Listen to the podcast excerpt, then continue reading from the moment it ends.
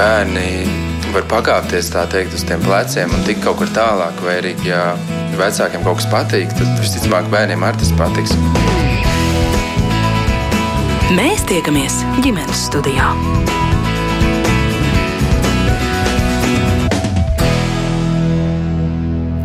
Labdien! Regulāri pārmetumi par nevietā nomestām zeķēm vai nepareizi saliktiem traukiem trauku mašīnā attiecības var novest arī līdz iziršanai. Kāpēc pāri ķildojas par nebūtiskiem jautājumiem un vai vispār kritikai vienam par otru pāri attiecībās ir vieta? Es mērīts notiņu jautāšu studijas viesiem. Klīniskai psiholoģijai Kristīnai Balodei. Labdien, ģimenes studijā! Labdien! Labdien arī ārstam, psihoterapeitam Jānim Vītiņam. Labdien! Jā, viesus mūsu studijā ir aicinājusi producents Armīta Kolāta un tiešām arī no ģimenes studijas tāds uh, rosinājums klausīties un reizē arī varbūt rakstīt un jautāt, ja jūs tas, protams, interesē. Bet tā tad, nu, Es mēģināšu tās frāzes kaut kā atdzīvināt. Tu atkal nenolika vietā savu krūzi, vai man atkal jāsavāc savus izmētātās zeķes. Uh, no pieredzes, nu, par kādām ikdienišķām situācijām tiek izteikti šie pārmetumi? Kristīna, no jūsu kā terapeits pieredzes, ko jūs dzirdat?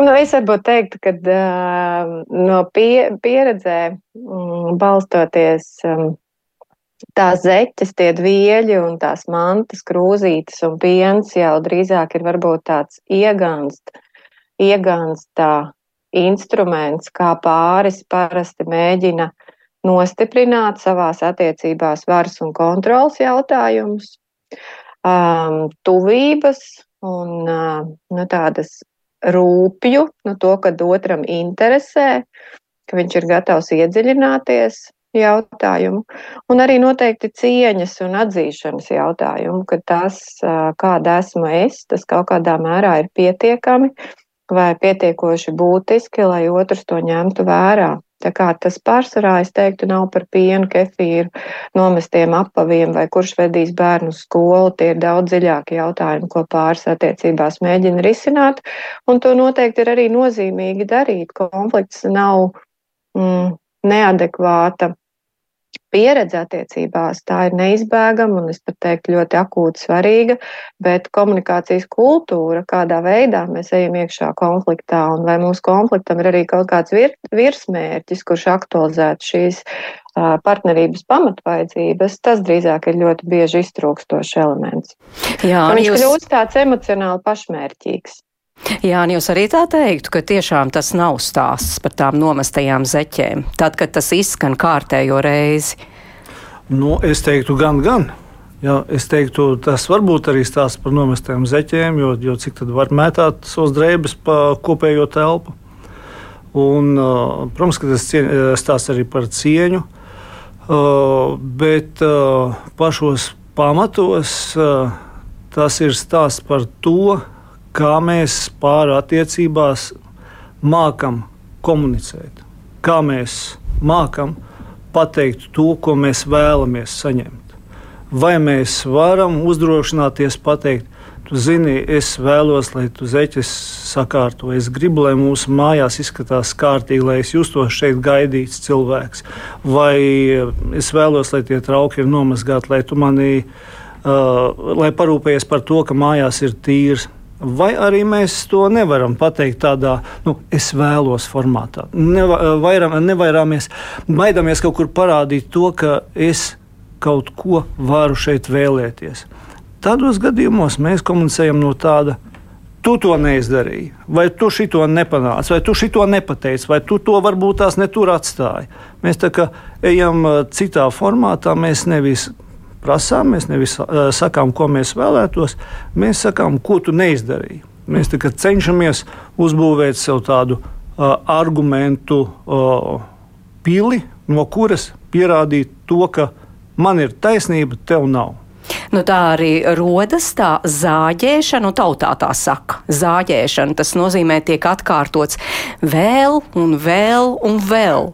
Jo tā forma ir nepareiza. Tu nometi, ja, un tāpēc tas arī atkārtojas un nekas nemainās. Um, par, par zaļiešanu es tā, tā nācu uz raidījumu un domāju, ka zaļiešana, kas tas ir, kā tas izskatās. Ka, ka sākumā es domāju, ka tas ir nu, divi cilvēki, viņi ir bruņoti, katrs ar tādiem maziem zāģīšiem, ja, kur, kur viens otru zāģē. Bet es domāju, ka nu, zāģēšana tas tomēr ir par to, ka mēs mērķiecīgi, mehāniski iedarbojamies uz attiecību stabilitāti, ja mēs zāģējam savas attiecības, ja mēs zāģējam savu partnerību. Bet tad es tā iedomājos, ka, ka, ka tas nu, tomēr ir tā, ka mēs. Tā kā, tad zzz, kaut kur, kaut kur mēs dzirdam to skaņu, kaut kur zāģējam, un, un, un tā, mēs iedomājamies, ka ir grupa cilvēku, kuriem nu, pieņemsim, kāzās, ja pēkšņi pievērš uzmanību kādam pārim, kur viens otru zāģē. Ka tā joprojām ir tā uzmanības pievēršanas sev forma. Mm -hmm. Kristīne, Jo tas zāģēšana nu, joprojām pastāv tāds termins, un vēl jau tāda doma, ka zāģētājs galvenokārt ir sievietes. Tās ir tās, kas zāģē tos savus vīriešus, vai kā mēs dzirdējām no Jāņa teiktā, tad, tad arī savā ziņā ar tādu mazu zāģīti tās attiecības. Jā, nu par to sieviešu un vīriešu varbūt varētu iet prom no, no tās dzimuma dalīšanas, un vairāk mums katram ir savas aizsardzības stratēģijas, kuras mēs lietojam tajos brīžos, kad mēs nejūtamies droši attiecībās. Un es, ņa, es droši vien vairāk balstītos arī tai pēctecībā, kādu mantojumu mēs esam saņēmuši. Mēs domājam arī par partnerattiecību pratību, kā par pratību, kur prasa kaut kādu veidu izglītību. Un lielākoties mēs mācāmies no piemēriem, kā nostiprināt arī uh, savas pozīcijas attiecībās. Tad, uh, Es pieļauju, ka šāda pasīva, agresīva vai aktīva agresīva komunikācija jau vienkārši ir tā kultūra tradīcija, kur mēs esam mantojuši. Savā praktiskajā darbā, tad jau, kad cilvēki apzināti pievērš tam uzmanību un mācās vairāk celt tiltus un just sevi kā sadarbības partnerus, kuri rada um, kultūru un vērtības, kurā, kurās viņi grib dzīvot es teiktu, ka tur īsti nebūs nu, tādi divi ļaunprātīgi radījumi, kuri no rīta ceļās ar to domu, kāpēc iespējas sāpīgāk otram sačakarēt dienu. Tie ir pietiekoši ievainojami cilvēki, kuri tajos brīdi, brīžos, kad sajūtās nedroši, un tas ir par to tuvību un ieinteresētību vienam otrā, ko mēs, diemžēl, tīpaši varbūt tāda paudze, kas jau ir tuvāk 35 un, un vecāki, nemaz arī nebūtu nav piedzīvojuši, augot kā kaut ko objektīvi realistiski esošu. Līdz ar to tā ir tāda mācība procesa, kuru mēs šobrīd ejam cauri, arī mainoties vērtībām, kādās mēs gribam dzīvot. Un Un reizē mēs uzvedamies agresīvāk nekā mēs patiesībā vēlētos, jo mēs vienkārši neko citu neprotam. Un ņemot vērā, ka tāda inteliģenta komunikācija tomēr pieprasa pirmkārt pašregulāciju gan fiziskā ziņā. Tas nozīmē, ka es protu nomierināt savu nervu sistēmu, ne tikai kairināt. Es protu atslābināt savu ķermeni, jo saspringušā ķermenī visticamāk būs daudz lielāka tendence um, kā es saku, izvērsties arī kaut kādā rīcībā, kura iespējams nebūs ne, ne, ne mūsu interesēm kalpojoša, ne arī kaut kādā mērā mums pašiem ētiski un morāli pieņemama. Un otrs ir noteikti arī tas būtiskais, kas ir mūsu emocionālās inteliģences līmenis, vai es vispār pamanu, kā es jūtos. Un vai tajā brīdī, ka es kaut ko domāju es kaut ko jūtos, es nepārvērtēju tā nozīmīgumu, un vai es spēju tajā brīdī pievērsties tomēr tām virsvērtībām, kuras mēs kā partneri gribētu kultivēt un attīstīt savās attiecībās. Un tur es droši vien varētu pievērst uzmanību tam, ar ko mēs bieži sastopamies gan individuālajā, gan pāri darbā.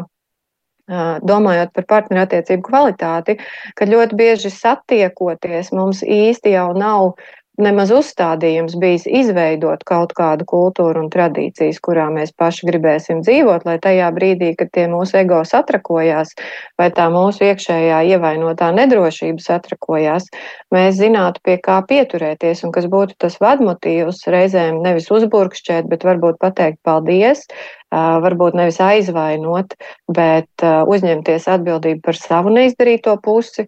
Un pats būtiskākais atcerēties, ka patērētāja kultūra ir palikusi arī ļoti patērējoša, domājot par attiecībām, bet man no otra pieauguša cilvēka nekas nepienākās. Um, tas ir tas jautājums, kā mēs, protams, sarunāt. Un tur ir vismaz trīs atbilžu varianti - jā, nē, un iespējams es tev to varu iedot, vai es to varu sagādāt, vai arī līdzdarboties, lai mēs par tām manām zeķēm varētu parūpēties, ja tu savukārt es nezinu, palīdz man izveidot sistēmu, kur tad mēs viņus liekam, vai nu, tā kā praktiski pieiet un risināt šos jautājumus. Nu, bet nereti ir tā, ka sākuma posmā jau šie jautājumi vispār nerodas. Tie jau parasti rodas pēc tam, ka pāris jau tā teikt ir apviļo, apviļājies viens, viens otrā. Es drīzāk teiktu, ka viņi nevis nerodās, bet mums tajā brīdī uh, viņi nav prioritāri. It īpaši, ja attiecības ir sākušās ar tādu romantisku fāzi ar tādu pietiekoši lielu aizraušanos ar pašu iedomu par to, ka attiecības notiek un ka viņas ir radušās. Un, un mēs paliekam reizēm arī aiz liela prieka ļoti nekritiski un nevērīgi. Un ja mēs pēc tam atgriežamies pēc kaut kāda laika, tad noteikti mēs redzam, ka tur jau tās pazīmes bija. Tas cilvēks jau nepārvērtās pēkšņi. Vienkārši bija kaut kas, ko es ļoti negribēju redzēt, vai kas man likās, kas pāries, vai arī reizēm tas, kas ir tas uzstādījums, ka mēs pāraudzināsim viens otru, vai arī reizēm ir tīpaši ja runa iet par līdzatkarīgām attiecībām, ka mēs ilgojamies piedzīvot to, ka es būšu tik nozīmīga, ka otrs varēs savākt tās savas zeķes vai izdarīt kaut ko. Un tad mēs tā kā nostiprinām kaut kādu to pieredzi, kurā mēs esam auguši un veidojušies, kad uh, arī šajās attiecībās mēs neesam tik nozīmīgi, lai otrs mainītu savas vērtības, jo būtībā viņš maina savas vērtības sevis, savas izaugsmas un savas attīstības dēļ, nevis tādēļ, ka kādam tas būtu ērtāk. Nu jā. Jā, ne? tad tās rozā brilles nokrīt, un tad arī tā kā labāk, precīzāk viens otru ieraugām, vai ne? Bet, nu, ir taču viens brīdis, kad tas sāk kaitināt. Nu, it kā sākumā nekaitina, un tad kaitina, un tad tas tiešām ir tad, eh, kā mēs te klausāmies stāsts, ka kaut kas varbūt arī tāds pirmais signāls, ka kaut kas nav kārtībā ar attiecībām. Jo nebija kaitinoši, un tagad tas ir kaitinoši. Uh, man liekas, paldies, Kristīne. Ļoti brīnišķīgi izvērst visu tā, tā saprotami, struktūrēti pastāstīja, ka tam visam ir daudzi dažādi iemesli. Un, ja mēs zinām iemeslus, tad mēs arī attiecīgi varam viņus atrisināt. Līdz ar to tas fakts, ka partneris pēkšņi ir kļuvis kaitinošāks, neieklausās tevī, drīzāk ir signāls, ka šis ir laiks, kad mēs attiecībās sākam kaut ko risināt. Ja?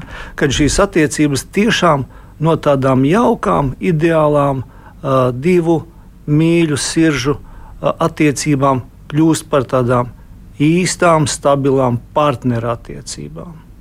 Jo partnerattiecības ir uh, patiesībā tiešām, arī kā Kristīna saka, jauns attiecību veids cilvēka dzīvēm.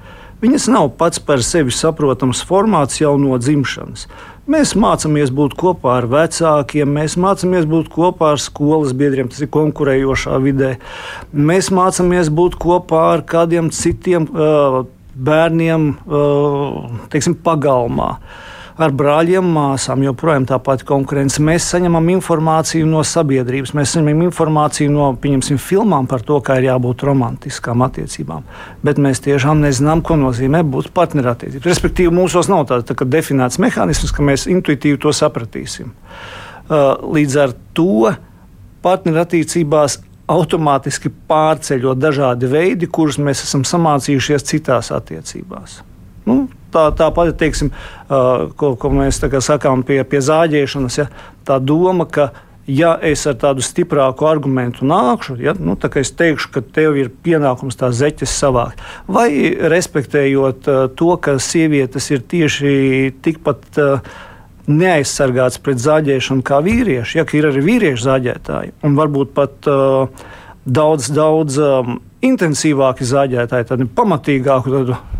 Tādu, ierāvienu. Ja?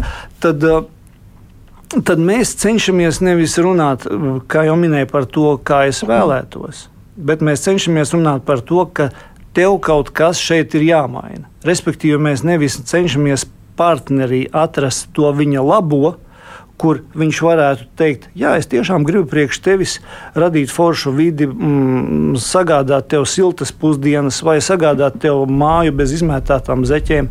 Bet mēs cenšamies partnerim pierādīt, ka viņam ir pienākums ko tādu darīt. Un ja mēs sākam no tādas pozīcijas, nu, tā kā pierādīt, ka mums ir taisnība, tad partneris, kurš, protams, saprot, ka zeķes izmētāt ir ne ok, kur partneri, kur saprot, nu jā, bez varbūt pusdienas tomēr ir jāuztais kaut kad arī otram partnerim, viņa šo informāciju nevis uztvers ar sapratni, bet viņa sāks aizsargāties. Mhm. Ja, tā, tā patiesība būs par intensīvu, un mēs panāksim nevis to, ko mēs varbūt vēlamies, bet mēs kā, apžilbināsim partneri, un viņš uzreiz teiks, nē, tā nav taisnība, tu tur pati tāda vai tu pats tāds. Ja? Nu jā, bet kā teorētiski tas taču nav tik grūts uh, uzdevums. Uh, paņemt, ja, sakārtot, nolikt. Jā, nu, it kā jā. taču nekas. Vai ne? Jā, bet sākas ar aizsardzību, vai ne? Un tieši tāpēc, ka tā ir aizsardzība, tāpēc tas kļūst grūti, un tāpēc es labāk to nedarīšu. Jā. Iesaistīšos konfliktos, nevis uh, varbūt izdarīšu. Nu, mēs tā varam iedomāties, ka tu no tādas jaukas, mīļas sirds pozīcijas pēkšņi esi uh, nu, tā, vienu dienu atnāc mājās un pēkšņi uzzini, ka tās zeķes, kuras pirms tam tika uzskatīts, nu, ka tas ir seksīgi, ka tu tāds, tāds vīrietis tur, tur savu telpu iekārto ap sevi, tur viņus tur vēl tur vīrišķīgi smaržo, pieņemsim. Pēkšņi tu zini, ka tas ir kaut kas, kas otram traucē. Tu momentā sajūties nepareizās attiecībās, vai ne ar to cilvēku, nu, respektīvi mūsu psihi uzreiz piedāvā variants, kas te notiek. Un tad pirmais ir aizsardzība. Nē, tas tā nav. Nu, vai, vai arī nu, censties ieraudzīt to otru, ka nu, tu man pārāk zāģē. Mm. Ja. Nu jā, tad iznāk jau uzreiz tas būtu pateikts, tad varbūt arī cits, cits risinājums. Jā, varbūt. Jā. jā, bet vai tas kaut kādā ziņā arī būtu stāsts par tomēr nelīdzvērtīgām attiecībām, ka tur biežāk ir šīs nu, tie pārmetumi. Ja, nu, ja piemēram, apmēram pusi uz pusi sadalīts, abi divi gan, gan kārto māju, gan mazgā traukus, gan dara visu citu, tad jau varbūt arī nu, retāk ir šādas, šādi pārmetumi izskan, Kristīna. Es noteikti nedomāju, ka šis būtu tāds būtiskākais, būtiskākais arguments. Protams, ka kaut kādā mērā nu, pieaugšanu un nobriešanu jau pēc būtības raksturo brīvības atgūšana un viņas arī iemācīšanās viņu praktizēt. Un es drīzāk varbūt uzsvērtu reizēm to, ka mums kaut kur, nu, ņemot vērā mūsu gan bērnības pieredzi, gan arī dzīves pieredzi, um, ir tā dzīve veidojusies tā, ka tā nobriešana kur es saprotu, ka tā ir mana brīvība savākt savas zeķes un neradīt problēmas ar zeķiem, jo dzīvē varbūt ir interesantāki jautājumi, ko es gribētu risināt kopā ar savu partneri. Tas būs arī tāds brieduma jautājums. Un reizēm, tīpaši tad, kad mēs runājam par jaunu cilvēku attiecībām, kuri vēl tikai mācās pirmkārt atbrīvoties no tās, no tā ierobežojuma un piedzīvot to brīvību, ko nozīmēs jauna cilvēka brīvība, ko nozīmēs iederēšanās kaut kādos sabiedrības priekšstatos par to, kādai man ir jābūt vai ko man vajadzētu darīt vai nevajadzētu darīt arī tajā attiecībās. Arī, protams, ejot līdzi laikmetam. Un tādiem politiskiem jautājumiem, kuri tiek aktualizēti kaut vai šobrīd par to pašu līdztiesību, reizēm es teiktu, ka no praktiskās pieredzes es redzu, ka varbūt pat reizēm tā ļoti sāsināti mēs to fokusu liekam uh, Mums pat varbūt kā pārim tas nebūtu tik būtisks jautājums, bet ar to domu, lai, piemēram, kā sievietes varētu pārstāvēt sevi starp citām sievietēm, arī tādā pēctecībā, es iespējams tās principiāli tās zeķes nevācu, nevis tādēļ, ka man būtu grūti viņas tur paņemt vai viņas man šausmīgi traucētu dzīvot, bet tādēļ, ka kaut kādā mērā tas manī satricina šīs vērtības, kuras nav bijušas iespējams ļoti ilgstošu laiku pašsaprotams, ka man iespējams nav vīrieti jāaprūpē kā mazu bērnu kaut kādos aspektos, tīpaši tad, kad runa iet par aprūpi uh, mājasēmniecībā, vai arī reizēm man nav jābūt kultūrgam mūsu ģimenē, jo, ja nē, tad visticamāk viņš nav uz vienu teātri izrādi nekad neaizietu, un uh, uz kino mēs ietu, nu, diez vai uz to, kur es arī atrastu savai izaugsmē vietu.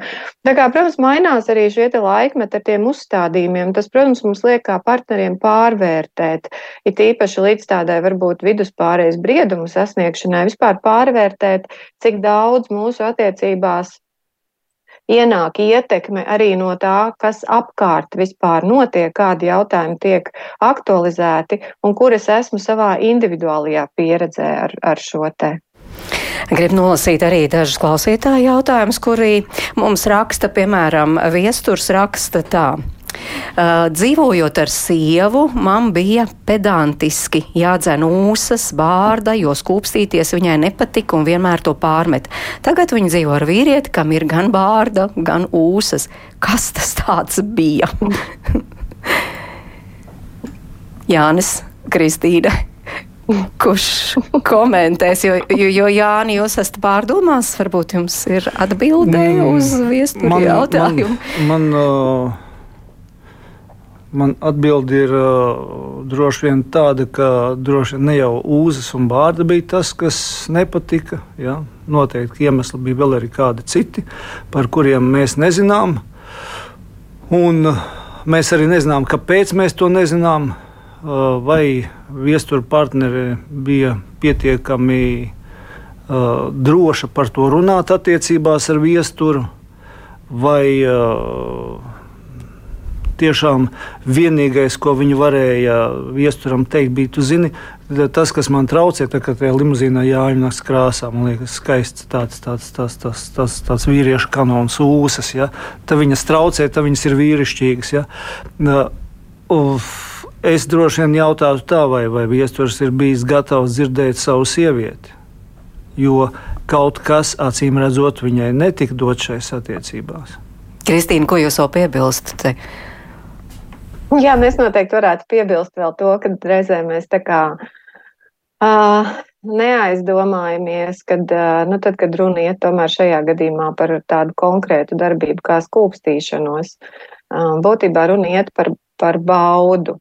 Tas var nebūt arī kaut kas, kas ir saistīts obligāti ar otru cilvēku, bet tas var būt arī saistīts um, ar to, ar ko, kādā veidā uh, un kādu motīvu vadīta es gūstu baudu, un ko tā darbība man arī nodrošina manā dzīvē. Tīpaši tad, kad runa iet tādu, nu, ja mēs domājam un runājam jau vairāk par tādu seksuālu komunikāciju, romantisku seksuālu komunikāciju, tad mums jau tur arī ir ļoti daudzi priekšstati ka man šķiet, ka tikai tādēļ, ka es esmu partneris un tikai tādēļ, ka mēs esam partnerattiecībās, tas automātiski tā kā tai groziņā ieliek līdz arī savstarpēji vēlmi pieskarties vienam otram, kaut kādu pratību, kā to darīt, kā vispār erotizēt to situāciju, kurā, piemēram, tā skūpstīšanās ar visām tām mūsām un bārdām vai, vai ko citu, kas nāk tam komplektā, kļūst par kaut kādu pārdzīvojumu un pieredzi,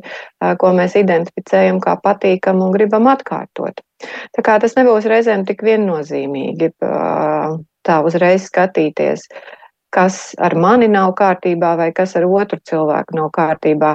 Tā romantiska seksuālā pieredze viņa būtībā ir ārkārtīgi interesanta ar to, ka viņa lielākoties ir kaut kas, pār ko mums nebūtu nemaz nav tik liels kontrols. Es nevaru uh, uz pienākumu un tikai tādēļ, ka es šausmīgi ar prātu gribu nekādā iemīlēties, ne ļoti viņu iekārot, ne arī ārkārtīgi izbaudīt to, ko es kopā ar viņu daru. Tas, nu, vismaz, lai man būtu iespēja to darīt, man tas tik un tā prasīs pietiekoši lielu pratību iekārtoties tajā situācijās un noteikti prasmju un iemaņu attīstību, lai to pieredzi, kur varbūt pirmajā brīdī, tīpaši, ja mēs runājam par ilgtermiņa attiecībām, es nebūtu ne, neredzu kā kaut kādu saistošu pieredzi. Es prastu gan viņā iekārtoties, gan viņu praktizēt tādā veidā, ka es nedaru sev pāri un arī neveidoju kaut kādu tur tādu dubultmorālie partneri un, un netur viņu kaut kādā ilūzijā, ka tā skūpstīšanās ar viņu ir tagad tiešām tas, ko es ārkārtīgi vēlos. Jā, ir vēl viens ir sanits jautājums. Pazīstu sievieti, kas ir it kā labās attiecībās ar vīrieti, ir pielā, un, bet ir pielāgojusies simtprocentam cilvēkam. Un viņa nav tas cilvēks, kas ak akceptē visu, bet šajās attiecībās tā tad viņa vienmēr ir gatava piekāpties un teikt, jā, jā tā ir, un, un tam līdzīgi. Kā jūs vērtētu šādas attiecības? Jo var jau būt, ka labi, ka viens izsaka to pārmetumu, un otrs saka, labi, es piekāpjos, viss kārtībā. Un droši vien kaut kāds kopē, ja, uh, droši vien ir tas, es, uh, tas, ko es gribēju teikt, uh, noteikti jau tas nebūs atkal par piekāpšanos vai nepiekāpšanos. Katram pārim ir sava labklājības formula. Un droši vien ir jāpaskatās, tad, vai abi no partneriem to izjūt kā ceļu uz labklājību, vai viņi ir abiem vienlīdz pieņemama. Jo tur tas jautājums, kas man uzreiz rodās un kas pievērš to uzmanību, Tam partnerim, kurš regulāri saņem piekrišanu, būtībā, ja mēs pēc formulas skatāmies, nav iespējas augt un attīstīties. Jo man, ja ir tāds partneris, kurš man tikai komplimentē, komplimentē, ļoti diezgan liela iespēja, ka es dzīvoju attiecībās pat ar sevi, ar saviem priekšstatiem par dzīvi un to, kā vajadzētu, un tas stipri ierobežos manu paplašinājumu, jo mēs jau augam un attīstamies caur otra cilvēka pieredzi par dzīvi. Mēs esam sociāls būtnes. Un ļoti bieži šajā vienpusējā partnerībā um, Nu, tur ir jautājums, vai, ja mēs iedziļinātos tajā jēdzienā, ko vispār nozīmē partnerība, nosaukums jau varbūt ir, bet vai saturs atbilst tam nosaukumam, par ko mēs šeit runājam? Tā varbūt ir kopdzīve, bet vai tā ir partnerība?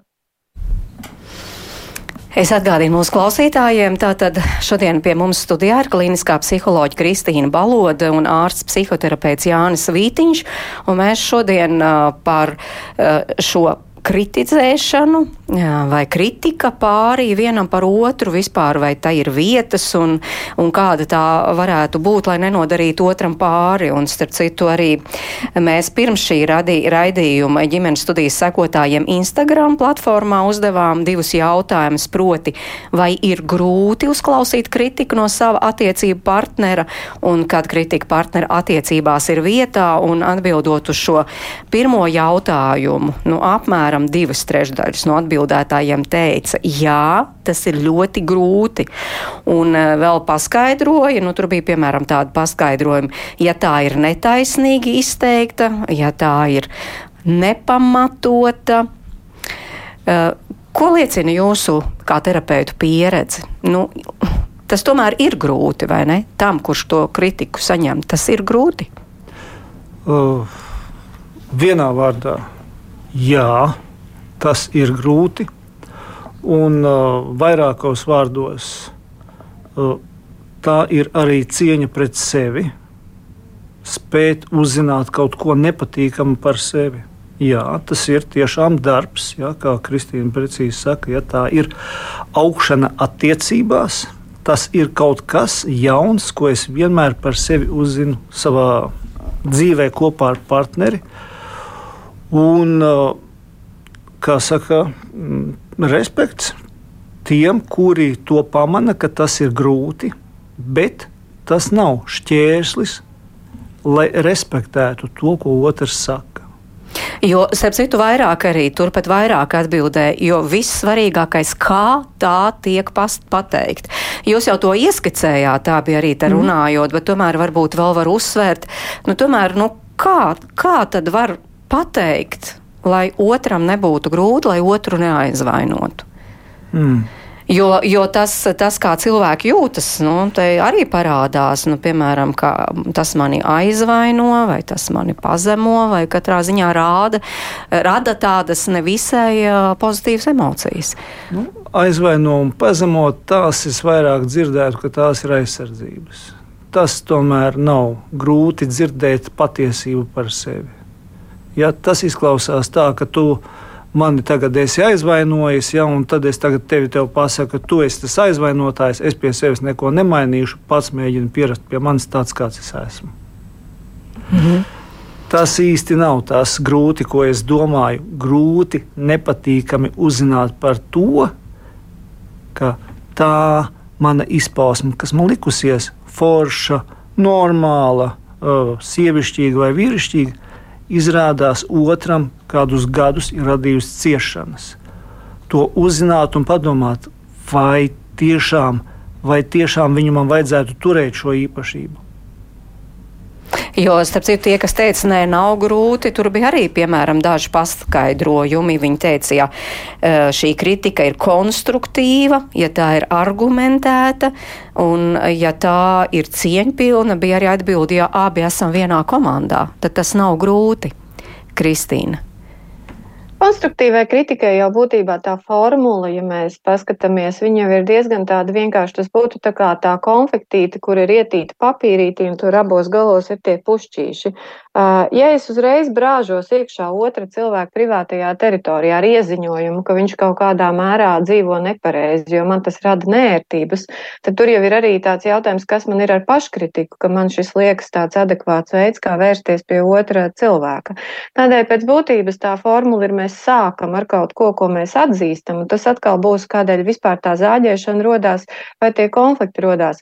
Mēs ļoti bieži vēršoties pie otra cilvēka nesākam ar to, ka mēs tā kā iečekojamies, kad ir kaut kas, ko tu dari, Un man tas ir ļoti svarīgi, un es to augstu vērtēju. Un tas katrā ziņā ir kaut kas, ko tu dari pats bez manas palīdzības, arī stiprinot tā otra cilvēka saikni ar viņa pieaugušo daļu, lai tajā brīdī, kad es ienesu to savu kritisko komentāru, Bet viņu attiecina uz sevi nevis tu dari nepareizi, bet man tas rada tas, ka tu tur izmētā tās zeķes vai regulāri, piemēram, man neatbildi vai nerēķinojas ar manu laiku vai, nu, jebkas, ko mēs mēdzam atkārtot kā pieredzi, kas ar laiku izaug par lielu pārpratumu, man rada kaut kāda veida emocijas un domas par sevi un tevi, kuras rezultējās no ar to, ar ko tas rezultējās.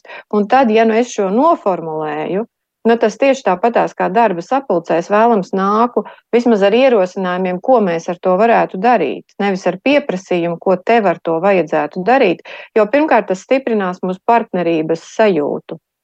Bet Jā, tā ir jo... nevis viena vai otra problēma, bet tā ir tā sadarbība, kur ir daudz būtiskāka. Un tās konflikts būtībā vai risinājums no nu, tam konfliktam, viņš jau tikai nāk kā ceļš, caur kuru mēs nostiprināsim to savu savienību. Cilvēkiem daudz vairāk ir nevis problēmas ar situācijām vai kaut kādām tēmām vai viņu risināšanu, bet ar emocijām un jūtām, ar kurām nāksies saskarties ceļā uz to. Un tās ir dusmas, aizvainojums, kauns, vainas apziņa. Un, lai es, no ne, lai es to nejustu, es ātri ielecu tajā konfliktā vai uzspridzinu to situāciju, nu, un tad jau viņa paliek tāda nekontrolēta.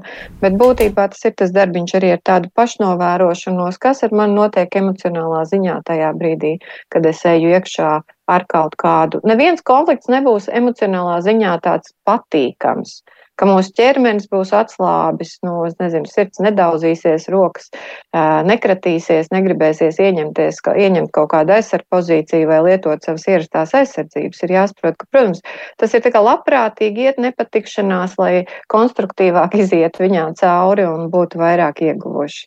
Nu, bet jā, kā izskan arī es citēju, tik bieži to dzirdu, ka jau vienalga. Nu, vienaldzība ir skumja lieta. E, jā, nu tā mhm, viens, jā. teiksim, viens no šiem Instagram lietotājiem, kur atbildēja uz jautājumu, mm -hmm. šo teica, es to tik bieži dzirdu, mm -hmm. ka man jau vienalga. Jā, tieši tā. Vienkārši nereaģēju, vispār mhm. nereaģēju. Jā, aizsardzības no... ir ieslēgušās un viss ir nostrādājis. Uh, es gribētu šeit tomēr pie Kristīnas teiktā vēl arī kas ir ļoti pareizi, tam piekrīt. Uh, vēl arī piebilst tādu, tādu aspektu, ko esmu novērojis darbā, ka, nu, par ko arī raksta uh, literatūrā, ka mēs nevienmēr paši spējam formulēt to, ko mēs attiecībās vēlamies mainīt, vai kas mūs neapmierina. Mēs neesam spējīgi to darīt. Un, nu, tad, tad, tad vērtīgi ir šādos brīžos, ja tas ir sācis palikt vienaldzīgi, ka otrs zāģē, vai tas rada aizvainojumu, tomēr vērsties pie pāri terapeita, ja, kur tādā foršā, mierīgā vidē mēs varam dzirdēt nevis to, ka šis partneris mums kaut ko pārmet, bet viņš otram stāsta par savām vajadzībām, un tas mums ļauj ieklausīties un saprast, vai mēs šo partneri visu laiku pareizi esam uztvēruši, Varbūt tiešām tas, ko viņš mums visu laiku saka, mūs ir tik ļoti apdulinājis, apžilbinājis, ka mums tas ir kļuvis vienaldzīgi, ir iestājusies apāti, jo mēs jau gribam doties prom, mēs jau vairs nenākam pēc darba mājās, vai, vai mēs tur jau vairs par bērniem nerūpējamies. Mm -hmm, ja? Faktiski attālinamies no šīm Jā. attiecībām.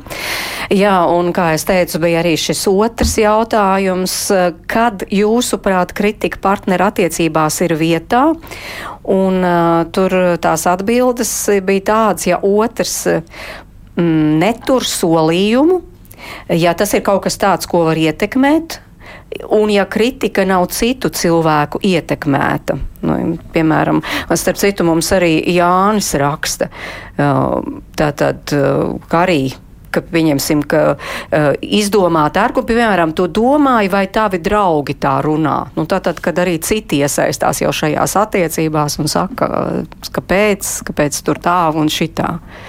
-hmm. Dziet, tā, tā, tā sensitīvā tā sensitīvā lieta ir tāda, ka tajā brīdī, kad mēs runājam par, par pārmešanu, mēs kaut kā domājam, tomēr katrs par to savu situāciju. Mēs nevaram, mums ir ļoti grūti tā empātiski iedarb, iedomāties, ko tajā brīdī jūt partneris, kad viņš to saka. Mums ir ļoti varbūt, neiespējami pat tā padomāt, ka caur šo draugu referenci viņš nu, tomēr beidzot uzdrošinās pateikt, kas viņam nepatīk. Ja, mēs to automātiski uztveram kā pārmetumu, un tas ir pilnīgi normāli. Jo, kā jau Kristīna arī teica, attiecībās ir jābūt uh, zināmai uh, iespēja otram augt. Tas ir pilnīgi normāli, kad mēs uzzinām, ka tas cilvēks, kurš mums līdz šim ir licies patīkams un foršs, ja tāds nu, teiksim, kaut kāds vai, vai no. Ārkārtīgi pievilcīga sieviete, ja, ar kuru man beidzot ir izveidojušās attiecības. Viņa nepārstāja būt pievilcīga pēc tam, kad ir pagājis tas mūsu medus mēneša periods, ja, tas, tas rozā brīļu periods. Joprojām viņai pievērsīs uzmanību arī citi vīrieši. Un man ir jābūt jā, pietiekami spējīgam tikt ar to galā. Nevis viņai pārmetot, ka viņa to dara, bet jāspēj augt sevī. Ja? Tā kā, tā kā eh, tas, ka kaut kāda neapmierinātība būs, ir uh, normāls, uh, normāls attiecību process. Svarīgi ir, vai mēs caur, šīm, caur šiem pārmetumiem tomēr nesalaužam to, kas otrā mums patīk. Tā kā nepazaudējam to, kāpēc mēs ar viņu esam kopā. Mm -hmm.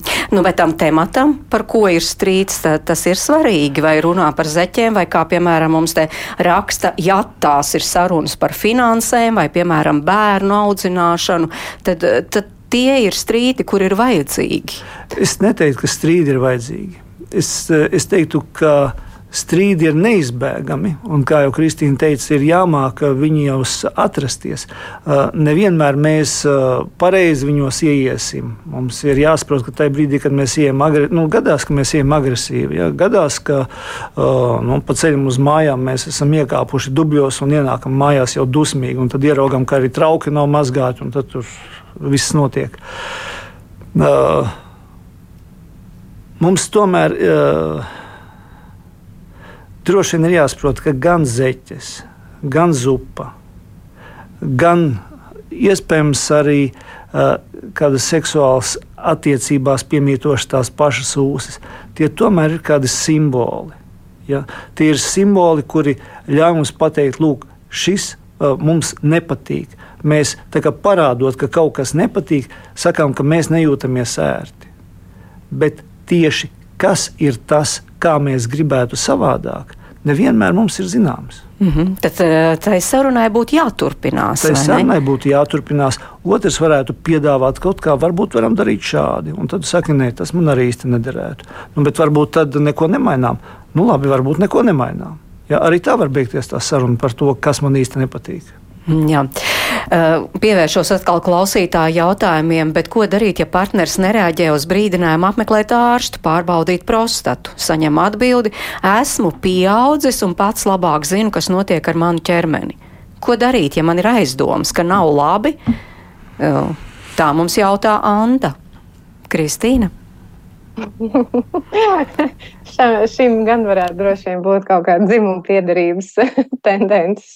Tomēr, vismaz cik es novēroju uh, savā praktiskajā darbā, tad uh, diemžēl vīriešiem ir daudz, daudz sarežģītākas attiecības ar pašaprūpi, un ja mēs paskatāmies tajā telefona grāmatiņās, kur mums ir kontakti, tad noteikti sievietēm mēs tur atradīsim gan dažādus speciālistus, uh, nu, atbalsta speciālistus, kas ir pieaugušā, konstruktīva, būtībā tāda pašaprūpes apliecinājums, kad es nepaļaujos tikai uz sevi, bet es saprotu, ka ir daudz resursi ārējā pasaulē, kurus es varu lietot, lai es labklājīgāk dzīvotu. Tieši tāpatās, kā es to daru darbā, kas varbūt vīriešu vidē ir, ir raksturīgāks.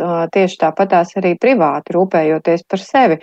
Um, tas droši vien ir tāds, tāds interesants jautājums, bet es te atgriezīšos atkal pie tās brīvības un uh, līdzatkarīgajām attiecībām. Um, Un tieši runājot varbūt par tādu arī mūsu platuma grādu īpatnību, ņemot vērā to pēctecību, ka mums ir diezgan izplatīts alkohola problēmas bijušas vismaz, nu, ja mēs tā vismaz trīs paudzēs kaut ko zinām, tad um, šī iemācītā līdzatkarīgo attiecību uzvedība, kurā es uz to otru pieaugušo cilvēku nevis skatos kā uz brīvu cilvēku, kuram ir tiesības neiet pie ārsta, kuram ir tiesības nerūpēties par savu veselību, kuram ir tiesības ignorēt jebkādus manus ieteikumus vai, vai rūpes tik tālu, cik tas skar mūsu partnerattiecības.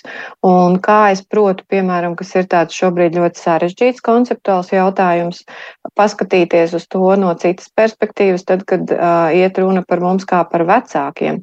Un vai tad es arī varu pateikt, ka uh, es varu uz to partneri skatīties, ka viņam ir tiesības nerūpēties par sevi kaut kādā ziņā.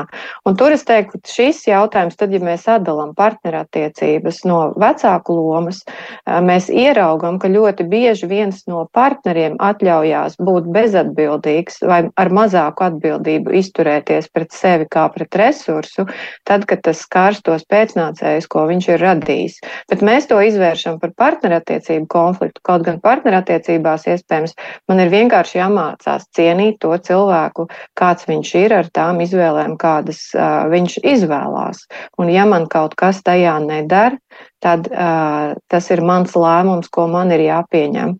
Vai es esmu gatava vai gatavs uh, būt šādās partnerattiecībās, kur man ir regulāri jāsatraucās, vai ar cilvēku kaut kas neatgadīsies, vai viņš rītā vispār atnāks mājās un kā, kāda, kāda būs viņa funkcionēt spēja pēc nedēļas, mēneša vai gada. Bet tur, kur runa jau iet par tādu vecāku lomu, ka tā ir tāda divu vai vairāk cilvēku sadarbība, ieguldoties bērnu labklājīgu, labklājīgos nu, apstākļos, un mēs esam tie apstākļi arī tai bērnu labklājībai, un ar to, kā mēs veicam pašaprūpu, mēs būtībā arī daudz ko bērniem parādam un arī daudz kur ienesam viņu dzīvēs ierobežojumus, tad es teiktu, ka tas ļoti bieži ir tas jautājums, ko mēs neapzinoties tieši šo te atdalītību, pārvēršam par partnerattiecību jautājumu, bet būtībā tas ir vecāku atbildības jautājums. Cik tālu es varu atļauties nerūpēties par sevi? Jūs piekrītat, Jā, es redzu, piekrītoši mājiet ar galvu. Jā, es, es piekrītu, ka, ka tas ir absolūti tā. Un, ja mēs skatāmies, kā tādās situācijās rīkoties, es pilnīgi piekrītu Kristīnai, ka šādas situācijas ir eh, diemžēl sasodīti biežas. Droši vien Latvijas vai, vai, vai citās pasaules valstīs, ja, ka tiešām kāds partneris kā deleģē, lai tu par mani, lai tam otram, lai tu par mani rūpējies. Un tās eh, nu, droši vien nav godīgas partnerattiecības, bet, diemžēl, uh, nu, partneris ir izvēlēts tāds, kāds ir. Un, protams, ka mēs nevaram vienkārši paņemt un tad paņemt nākošo partneri, kurš tad par mani rūpēsies. Tā arī reāli dzīvē nenotiek. Uh, tas koncepts, kā uz to skatīties, kā šo izkustināt no tāda sastingušā punkta, ir uh, nu, tāds patreiz, varbūt arī afektīvajās neurozinātnēs balstīts tāds, tāds moments, ka viena no cilvēka emocionālām pamatvaidzībām ir vajadzība rotaļāties. Ja? Un uh, mums rotaļāties arī attiecībās ir jāspēj tā, kā mēs to esam darījuši bērnībā. Ja? Pieņemsim, ja mēs uh, spēlējam paslēpes bērnībā, mums nedrīkst būt tādu gaidu, ka mēs vienmēr visus atradīsim, vai arī ka mūs nekad neviens neatradīs. Ja mēs tā spēlē pieejam, tad ļoti ātri mēs pamanām, ka mums nav neviens vairs, ko, kurš grib ar mums kopā spēlēties. Un tāpēc mums ir jābūt arī gataviem neuzvarēt, gataviem zaudēt arī partnerattiecībās. Nu, tiešām kā spēlē.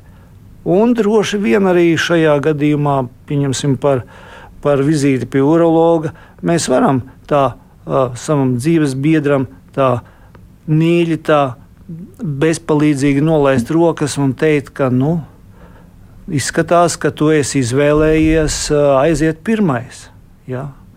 Kad tu gribi no tās mākoņu maliņas paskatīties, kā es pie tavas ārciņa sērošu, ja tu tā uzreiz jau tā kā pārvelc krustu kaut kādai mūsu kopdzīvei, tālākai, tādai drošai, saprotamai. Tā, tā, kopsolī nevis ar savu pārliecību, ka es esmu vesels, bet kopsolī ar cilvēces progresu, ka ir lietas jāpārbauda un ka prostata ir nu, ķermeņa daļa, kurā mēdz audzēji parādīties biežāk pēc 40 gadiem. Jā, es gribu arī izlasīt Dacei tāds garāks stāsts. Viņa dalās savā personīgajā pieredzē. Un viņa rakstāja savam vīram, varu teikt, visādos veidos, ka mani kaitina, ka atstāja virtū nekārtīgu, nenoliec lietas vietās un tā tālāk. Bet viņam tas viss liekas kā joks. Vienreiz pateicu, ka lai iedomājas, ka es atnāku uz viņa darbnīcu un katru dienu kaut kur kaut ko nometu. Viss pēc tās reizes virtuve plus mīnus kārtībā. Tāpat es nelūloju vairs cerības, ka visas drēbes nonāks veļas grozā, bet vismaz vienojāmies, ka vismaz netiek nomests uz zemes. Bet vienalga ir dienas, kad viss kaitina un tur neko nevar darīt. Tādas dienas ir mums abiem un jau ar gadiem neuztveram personiski. Nu, šī te, jā, man super. arī liekas super ar vieglumu. Jā. Tam visam pieiet, nevis wow, šī tā tagad ir problēma, kuras dēļ mums jāšķirās. Jā. Nu, bravo, bravo. Kristīna, jūs arī sakāt bravo? jā, Tādam nu, nu pieejamam. Protams, es saku, tur, kur jau parādās briedums un kaut kāds redzējums, ka tā ir sadarbība, tā ir tāda, mm, nu, mm, forša pieaugušo rotaļa, kurā mēs varam būt dzīves ieguvēji, bet varam arī ciest milzīgu zaudējumu kopā, tad, protams, kad uh, ir patīkamāk uz to skatīties. Bet uh, tas, ko es vēl gribēju piebilst uh, šajā, šajā sakarā, kad, uh, nu,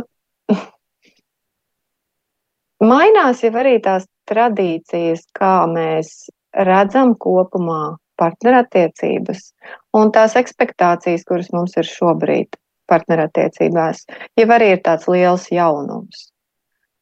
Un man liekas, ka tur bez radošuma un mazliet tādas vieglākas attieksmes šobrīd vienkārši kaklu var nolauzt. Jo mēs jau gaidām, ka mēs tajā attiecībās piepildīsim nu visu būsim superīgākie, mīļākie, romantiskākie partneri, interesantākie sarunu biedri, finanšu atbalsts un, un plānotāji un ceļojumu organizētāji. Un, nu, kā tad tā ir bijis un kur tad mēs redzam kaut vienu pāri, uh, kurš uh, kaut kādā šādā te utopiskā pārpilnībā dzīvotu?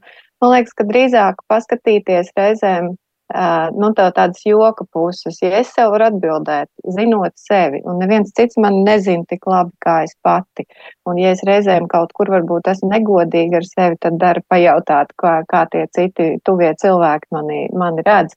Bet būtībā, ja es varēšu sev atbildēt uz jautājumu, kas būs top 3, kā es bojāšu šīs attiecības, katru mīļu dienu, ja es nebūšu par to apzināta un neuzņemšos atbildību to nedarīt vai rīkoties savādāk, mēs jau vienmēr arī atradīsim to veidu, kā partnerī pieņemt ar tādu laipnību un pie, cilvēcisku pieņemšanu. To, ka arī viņam ir viņa top 3, kā viņš to darīs. Un jo ilgstošāk ir kopdzīve, jo, protams, tas, ko mēs redzam ilgtermiņa attiecībās, um, forši dzīvi nodzīvo ne jau tie pāri, kuri neiet cauri grūtībām. Reizēm tie ir ļoti liela attāluma periodi, kad mums vispār runāt vienam ar otru negribās un redzēt vienam otru negribās. Mēs nerunājam par to, ka tur ir tādas absolūti arī fiziski un, un emocionāli ļoti atdalītas attiecības.